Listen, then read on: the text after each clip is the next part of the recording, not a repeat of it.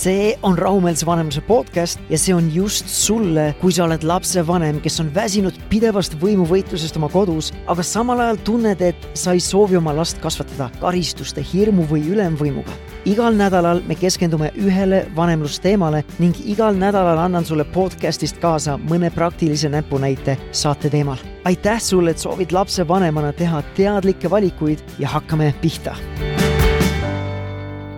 tere tulemast tagasi Rahumeelse Vanemluse podcasti ja tänane podcast on eriline mitmes mõttes. esiteks, ma ei ole täna siin mikrofoni taga, tahaks öelda stuudios, aga tegelikult me ei ole ju stuudios, aga me ei ole siin mikrofoni taga üksinda. see on esimene kord Rahumeelse Vanemluse podcasti lühikeses ajaloos, kui mul on podcastis külaline nii et kui selline formaat sulle meeldib, siis anna mulle ühes või teises sotsiaalmeediakanalis või siis kas või emaili teel märku, et see formaat sulle meeldis, võib-olla me saame seda sagedaminigi teha.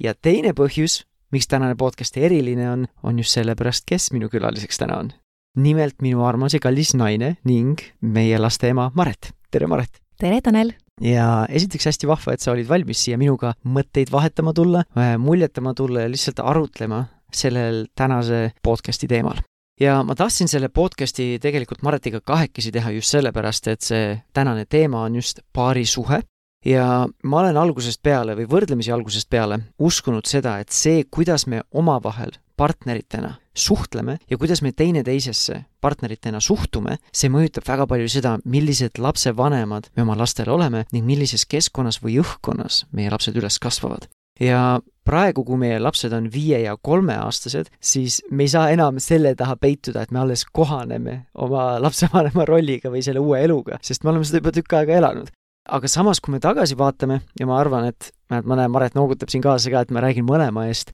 need esimesed aastad meie tütrega ja ka siis esimene aasta või paar pärast seda, kui meie poeg meie perre sündis, need olid päris väljakutsuvad ja need olid keerulised just meie omavahelisele suhtele, aga ka indiviididena või individuaalselt.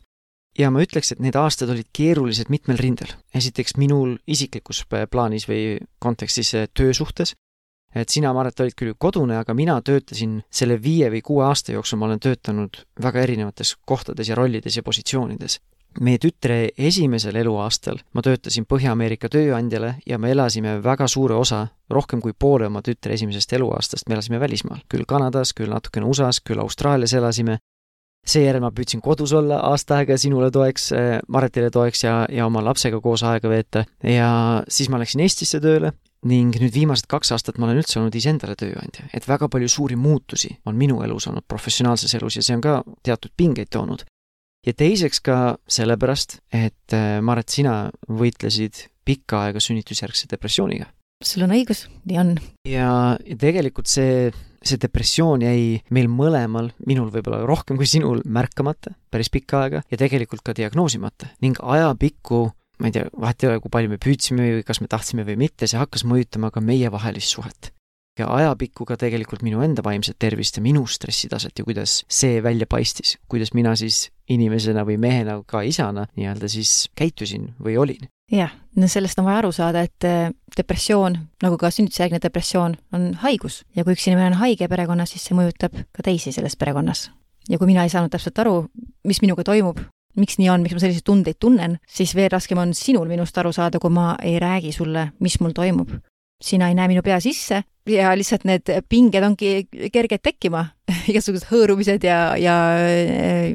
nagelemised ja, ja muud sellised mm. -hmm. ehk siis tegelikult äh, ükskõik milline selline individuaalne suur väljakutse ei eksisteeri vaakumis, et see mõjutab meie lähedasi inimesi vähemal või suuremal määral ja tegelikult väga vahet ei ole, kui väga palju me püüame seda siis isoleerida ja tegelikult on ju lihtne aru saada, et, et sealt võib väga palju pingeid tulla paari suhtele, kui sina kogesid seda sünnitusjärgset depressiooni, minul oli suur stress peal, mingil määral natukene seotud selle depressiooniga, teised nende suurte elumuutustega minu enda professionaalses elus, nii et äh, kokkuvõtvalt võib öelda, et meil on olnud väga väljakutsuvaid perioode selle lapsevanema rolli just esimeses osas. Ja tegelikult meil on olnud päris palju selliseid, ma ei tea, kas nagu momente või perioode, kus me mõlemad oleme tundnud või mõelnud, et äkki on lihtsam, kui me elaksime seda lapsevanema elu eraldi või seda pereelu eraldi. ja tegelikult tuleb välja, et me ei ole ainukesed nende selliste väljakutsetega. kui USA-s tegutsev Gottmani instituut, mis on üks pikemalt tegutsenud organisatsioone, mis uuribki lähisuhteid ja abielusid, nad on teinud seda mingi kakskümmend viis, kolmkümmend, kolmkümmend viis aastat juba, siis ka nemad on tegelikult välja toonud, et lapse esimestel eluaastatel on paari suhtega rahulolu kõige madalam. ehk siis neid kriise on kõige rohkem või siis need kriisid on kõige tõsisemad või kõige sügavamad ma ütleks, et meie kindlasti kogesime täpselt sedasama või oleme kogenud täpselt sedasama enda elus. jah, on olnud äh, mõtteid, vähemalt enda peaski ja võib-olla ka omavahel arutades, et äkki oleks lihtsam elada eraldi. lapsed on mingi aja ühega või teisega, noh, kes teab, see on kõik kokkuleppimise küsimus ilmselt, aga et äkki on siis kohustused kuidagi jagatud, endale tekib ruumi ka isiklike teemadega tegelemiseks. tõesti, pingeid on see aeg tekitanud väga palju ja selline romantiline illusioon, et nüüd, kui lapsed on teise partneri juures, siis ma lõpuks saan puhata või ma lõpuks saan kuidagi sellest august välja, eriti sinu puhul ta rääkis, et kui sa tundsidki, et sa oledki tõesti mustas-mustas augus või sügavas mustas augus, on ju. ja tagasi vaadates ma ei tunne, et see oli tõesti, ei olnud selliseid superemotsionaalseid, et kui ma tõesti mingi viskame teineteise pihta taldrikuid, ütleme, et koli välja, ma ei taha sind, sa oled vastik, sa oled nõme, ma ei suuda või mis iganes nii mõnigi kord tegelikult selline arusaam tuligi nii-öelda väga kuidagi kaalutletud, et kuule, äkki oleks lihtsam nagu, sest praegu on lihtsalt väga raske. me räägime küll sellest, aga tegelikult tänase saate point ei ole nüüd hullult kurta, et kui raske või kui nõme on või, või kui halvad lapsed on, siis tegelikult me ju mõlemad armastame oma lapsi väga. ja me armastame oma peret, meile meeldib meie pere, me naudime oma peret ja pereelu, aga see tänase saate point ongi see, et pereelu elades ei saa unustada ära seda paari suhet sest see on see, mis tegelikult oli selle peresuhte, pere loomise alguseks. ja, ja me tahtsimegi pigem jagada oma lugu, aga natukene võib-olla jagada ka oma otsuseid ja just nii-öelda ühte sellist, paneme jutumärkidesse, paarisuhte häkki, mida meie oleme oma ellu nüüd toonud ja rakendanud ja, ja ellu kutsunud, mis on aidanud meil siis kas taasavastada või siis taaselustada või taasluua seda meievahelist lähedust intiimsust, mitte ainult siis füüsilisel tasandil, aga just sellist emotsionaalset lähedust ja kontakti aga samas võib-olla saaks öeldagi täiesti luua algusest peale seda intiimsust ja lähedust, sest meie suhe on praegu lapsevanematena väga palju erinev, kui me võrdleme oma kuue aasta taguse suhtega, kui meil ei olnud lapsi. ja me olime hoopis teises kohas oma suhtega. kui me tegelikult nendele aastatele tagasi vaatame, siis me tegelikult ei tahtnud lahku minna. me lihtsalt, ma ütleks, et kumbki võib-olla ei olnud väga rahul selle suhteolukorraga, mis meil oli. me kumbki ei tundnud ennast väärtustatuna selles rollis, kus me olime, või võib-olla me isegi ei tundnud ennast armastatuna või ei tundnud, et meid ar-, meiega arvestatakse ja meid nähakse. või nagu sina oled öelnud, et sina tundsid, et sind võetakse iseenesestmõistetavana ja sa, vahet ei ole, kas sa oled siin või ei ole, et lihtsalt nagu sind, sinust nähtakse läbi. jah, ja see on olnud minu jaoks üks keerulisemaid olukordi elus üldse. ja kogeda seda koos oma kõige kallimate inimestega, see ongi paras kompott, mis siis parajasti ajus toimub ma olen koos nende inimestega, kes mulle kõige rohkem korda läheb, kes mind kõige rohkem armastavad, keda mina kõige rohkem armastan ja kellest ma hoolin ja ma tunnen selliseid tundeid. see panigi mind tundma ennast niimoodi, et ma olen lihtsalt iseenesestmõistetav, minu töö lihtsalt on teha mingeid lihtsaid asju, mul pole mingit muud väärtust, veel vähem aega või võimalust midagi iseenda jaoks luua või ennast taasavastada või üle, üldse uuesti luua, et see on olnud keeruline periood minu jaoks. ja nüüd natukene siis positiivsemale noodile liikudes, et et üks otsus, see ei ole selline asi, mis tõesti lahendab absoluutselt iga suhte kõik, absoluutselt kõik probleemid, aga see on meie pere nii-öelda lugu või meie pere kogemus, et üks otsus, mida meie otsustasime kaks aastat tagasi vastu võtta ja nüüd tagasi vaadates, siis tegelikult võiks, ma ei tea, ma ei taha üle dramatiseerida, aga see võiks öelda, et see on elumuutev otsus olnud. jah, ma arvan kindlasti, sellel on palju kaalu selles suhtes, et me nii väga teineteist armastame, et meil on kõik hästi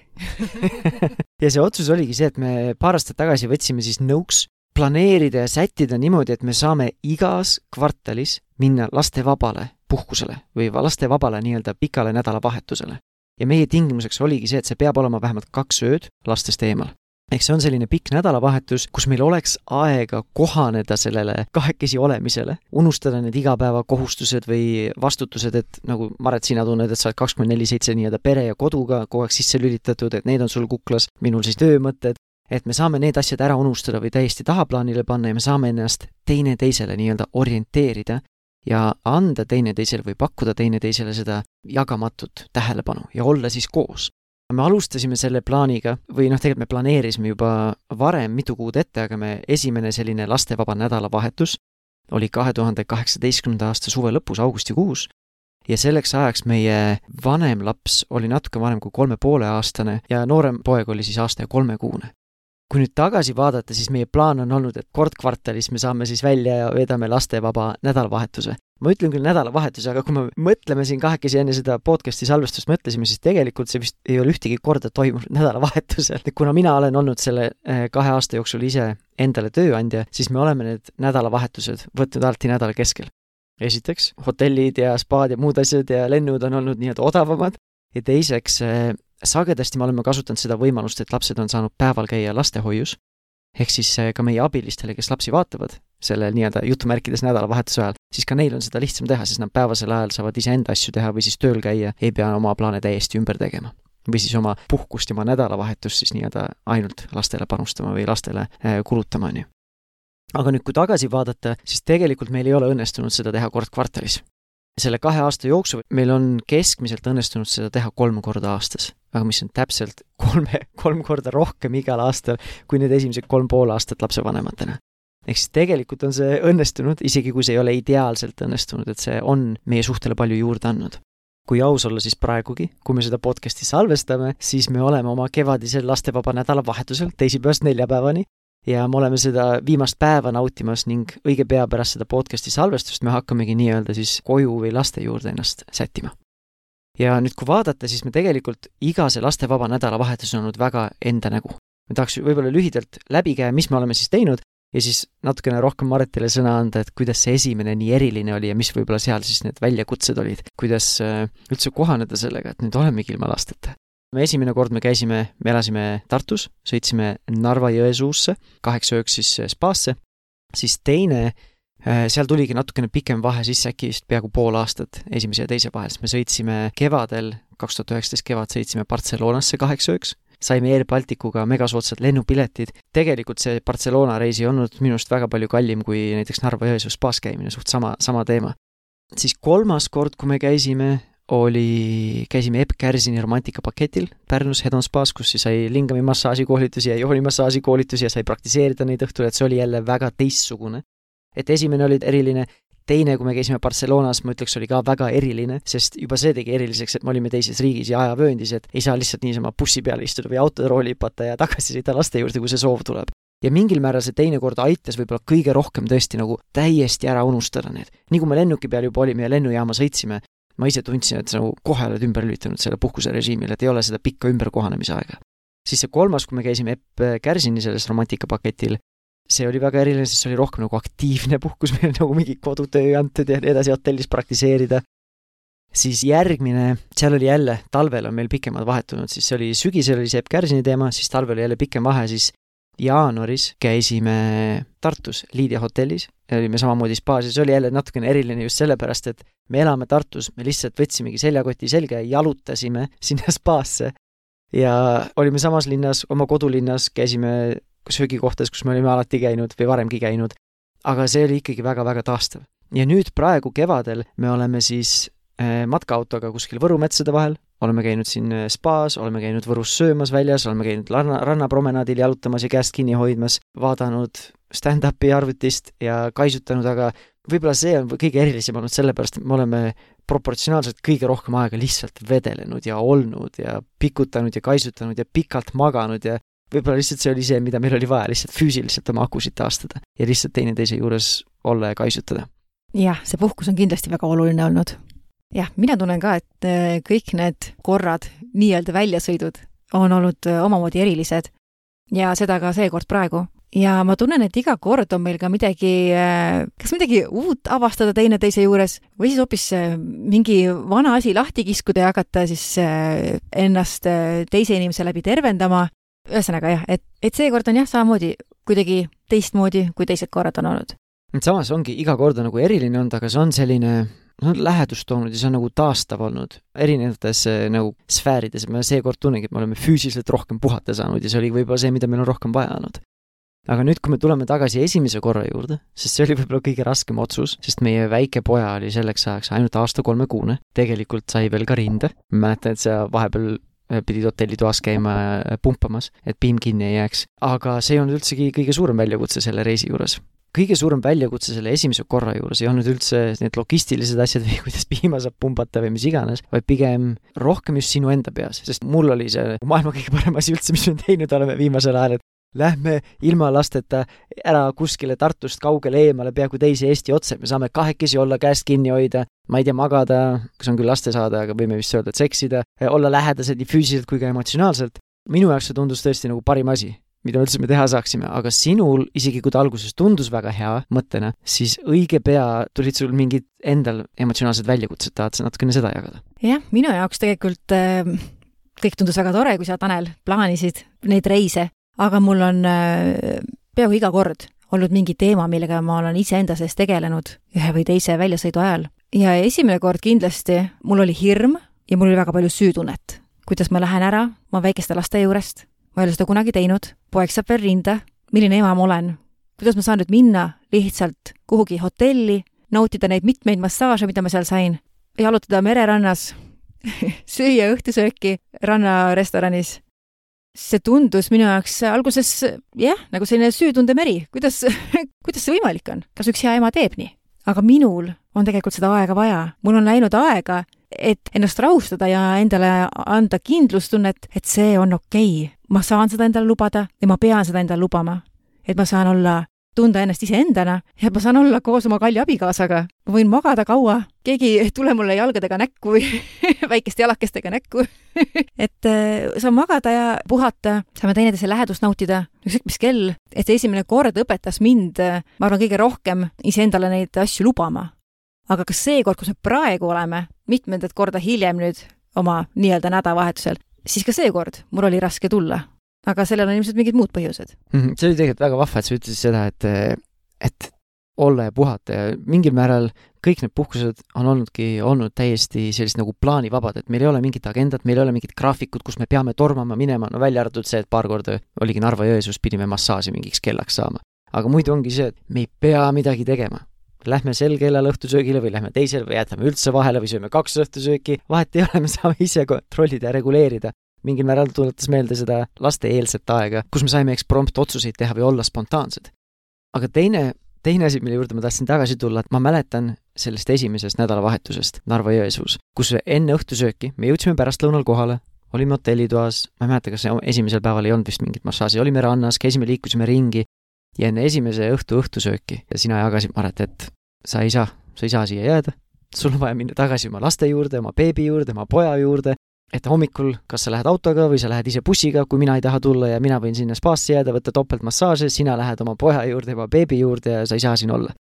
ja me leppisime kokku, et lihtsalt sööme õhtusöögi ära, magame ära ja hommikul vaatame, mis edasi saab. ja pärast hommikusööki läksime randa jalutama, hoidsime käes, käisime spaas, puhkasime ja siis kuidagi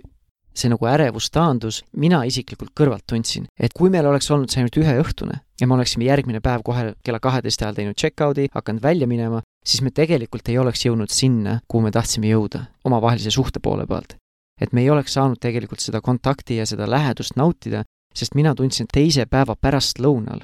kui me otsustasime ikka, et me jääme sinna, et alles siis ma tundsin, et see teine päev, pärastlõuna, teine õhtu ja see pärast teist ööd, see hommik ja kui me tagasi sõitsime, alles siis ma tundsin tõesti, et see andis meile midagi. ma tundsin ennast sinuga paremas kontaktis olevana, ma tundsin ennast ise lõõgastatumana ja ma tundsin, me päris mitu kuud sõitsime veel selle positiivse nii-öelda emotsiooni või selle läheduse laineharjal. et meil oli nagu lihtsam olla ja mõnusam olla. kahekesi, aga ka pere keskel ja perena jah, ma olen äh, tegelikult väga tänulik, et sina sel hetkel suutsid äh, minu ärevust nii äh, rahulikult võtta ja et sa olid nii kindlameelne. sa oled alati kindlameelne. Ma tõesti hakkasin kahtlema ja ma ütlesingi sulle jah, et ma sõidan ära koju, sa võid siia jääda ja, ja ma sõidan ära. ei saa, neil on mind vaja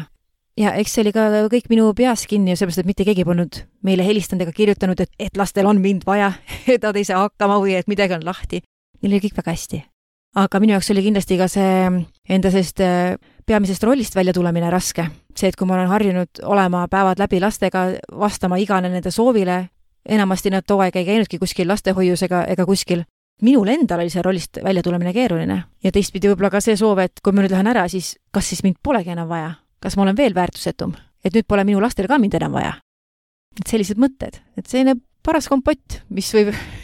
mida võib tekitada süütunne või sotsiaalne surve või, või milleks me seda nimetame, või enda lapsepõlvekogemused, et me kõigil on mingi taust ja mingid arusaamad millegipärast ja see on see, millega mina tegelesin see hetk tahad sa jagada või oskad sa praegu jagada et mis sul aitas siis nendest äh, ma ei tea, kas sellest ärevusest või nendest emotsioonidest äh, üle olla, kas oli see lihtsalt see aeg, et me magasime, saime nii-öelda rohkem nii-öelda jutumärkides kainema mõistusega või vähem emotsionaalsemalt sellesse suhtuda järgmine hommik, mis aitas sul sellest ärevusest üle saada, et me saime järgmine pärastlõuna ja õhtu ja see viimane hommik tõesti nagu teineteise jaoks olemas olla, siin ja praegu, ilma et oleks neid muremõtteid või ärevuse mõtteid, et mis küll või kas ma olen siis halb ema või, või, või mis iganes seal peas muidu toimus et oskad sa välja tuua, mis, mis aitas sul sellest üle olla või üle saada? üks asi oli kindlasti just see, et sina olid minuga nii rahulik. sa ei teinud minu muremõtteid maha, sa ei teinud neid tähtsusetuks, sa mõistsid, et mina tunnen selliseid tundeid ja see on okei okay,, et ma nii tunnen.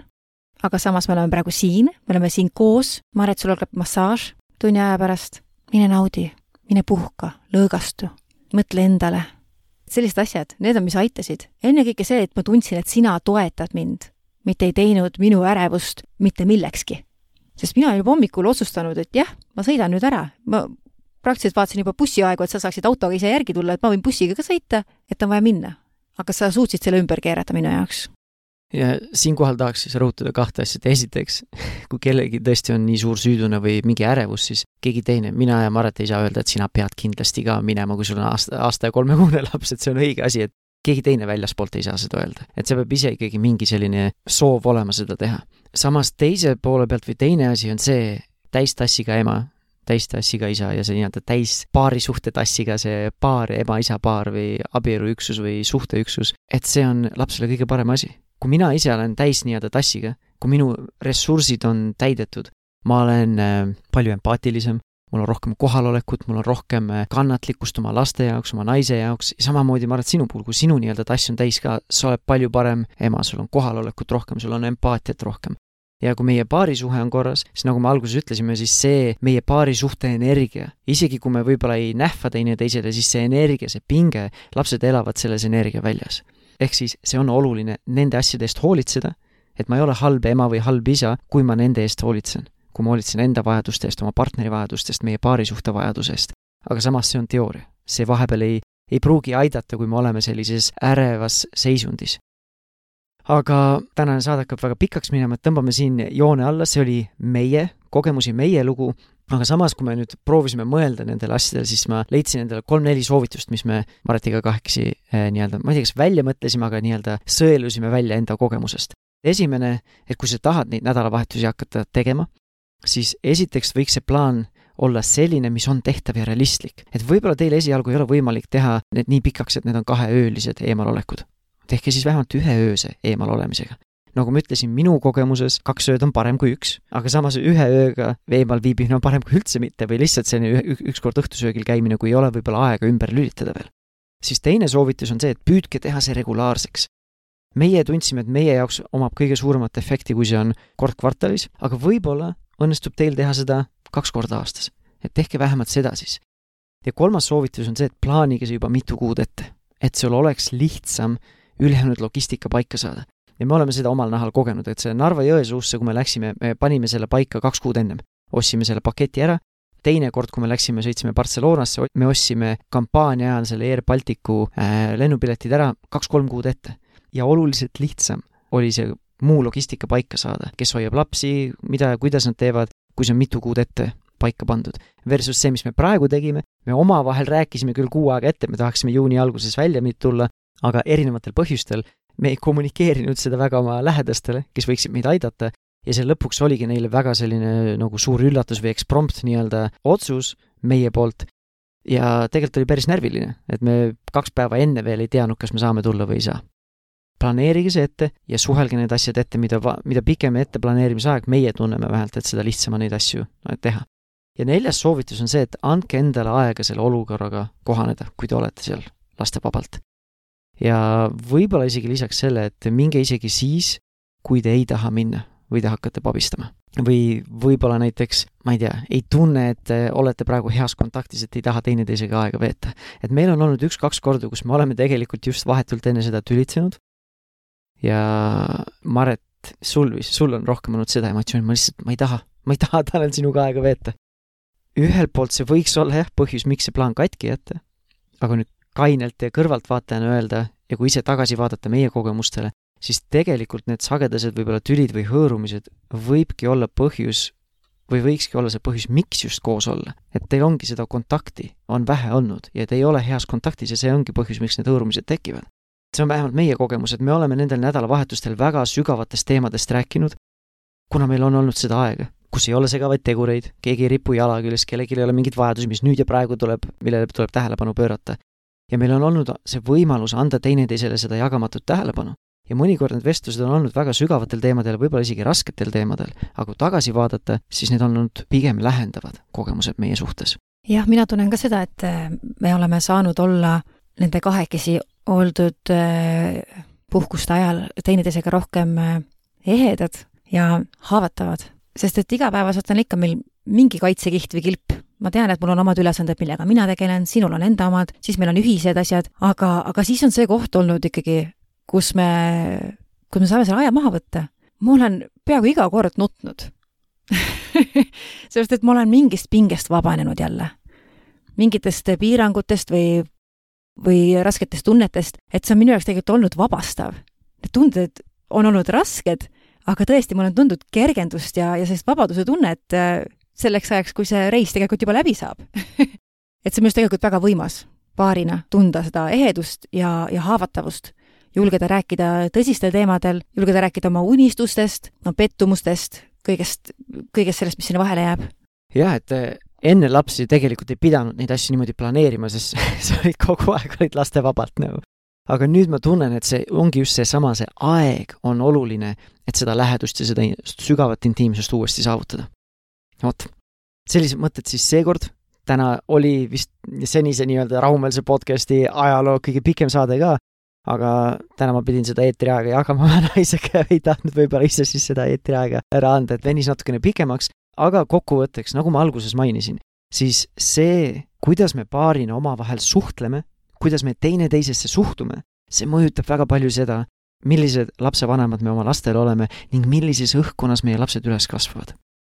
Ja see mõjutab tegelikult ka seda, kuidas nemad tulevikus, kui nad otsustavad lapsi saada, oma paari suhtesse suhtuvad et ma mäletan seda hetke, kui me läksime, see oli vist nüüd möödunud jaanuaris, kui me läksime Liidia hotellimaratiga sinuga kahekesi Tartusse ja meie väike poja, kes oli õige pea kolmeseks saav, siis tema protestis, ta ei tahtnud minna või olla vanaemaga ja kuidas meie viieseks saanud tütar just selgitas oma kolmeaastasele vennale, jaa, aga Emmelissil on vaja kahekesi olla, et nad armastaksid teineteist. Et see nagu nii vahva, et võib-olla see on, mida me oleme temale rääkinud, ta peegeldas lihtsalt meie sõnu, aga ta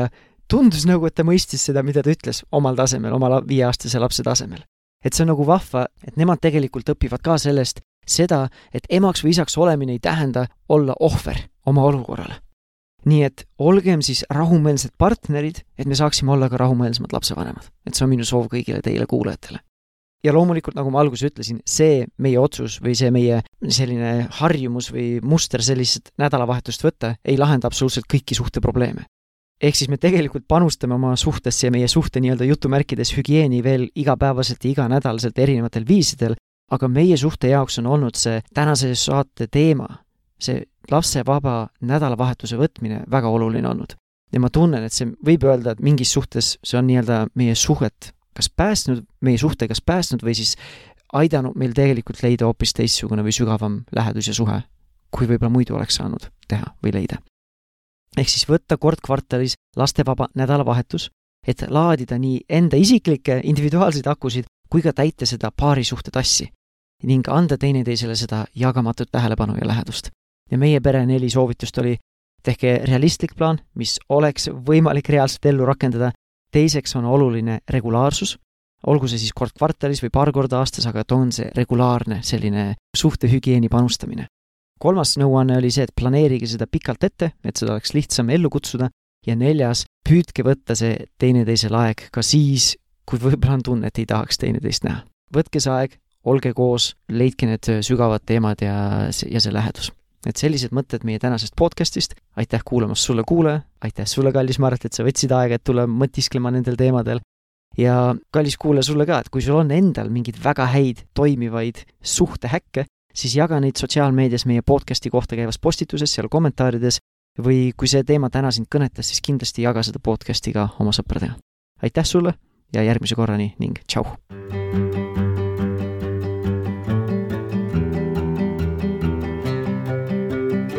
Oot-oot-oot, enne kui ma sul minna lasen, ma tahan sind tänada selle eest, et sa oled lapsevanem, kes püüab ja soovib areneda. isegi kui su laps seda praegu ei hinda, siis mina väärtustan seda, mida sa teed, nii et aitäh sulle. ja kui tänane podcast läks sulle korda, siis suurim kompliment, mida sa mulle teha saad, on soovitada seda podcasti vähemalt ühele oma tuttavale. tänutäheks ma tahan sinuga jagada ühte oma lemmikraamatu kokkuvõtet nagu sina ja mina teame, pereelu on vahepeal nii kiire, et ei jõua kõiki neid häid raamatuid kaanest kaaneni lugeda. ja just sellepärast ma olen kokku pannud ühe enda arust parima vanemlusraamatu Lapse ajukeskne kasvatus lühikokkuvõte ja ma tahan seda sinuga jagada. sa leiad selle lühikokkuvõtte veebist taneljappinen.com kaldkriips kingitus ja lõpetuseks ma tahan sulle meelde tuletada, et me keegi ei ole täiuslik lapsevanem ja see polegi oluline täiuslikkus ei tohiks kunagi olla mõõdupuu või isegi eesmärk. oluline on, et sa liiguksid samm-sammult paremuse ja rahumeelsuse poole. nii et edu sulle sellel teekonnal ja järgmise korrani, tšau!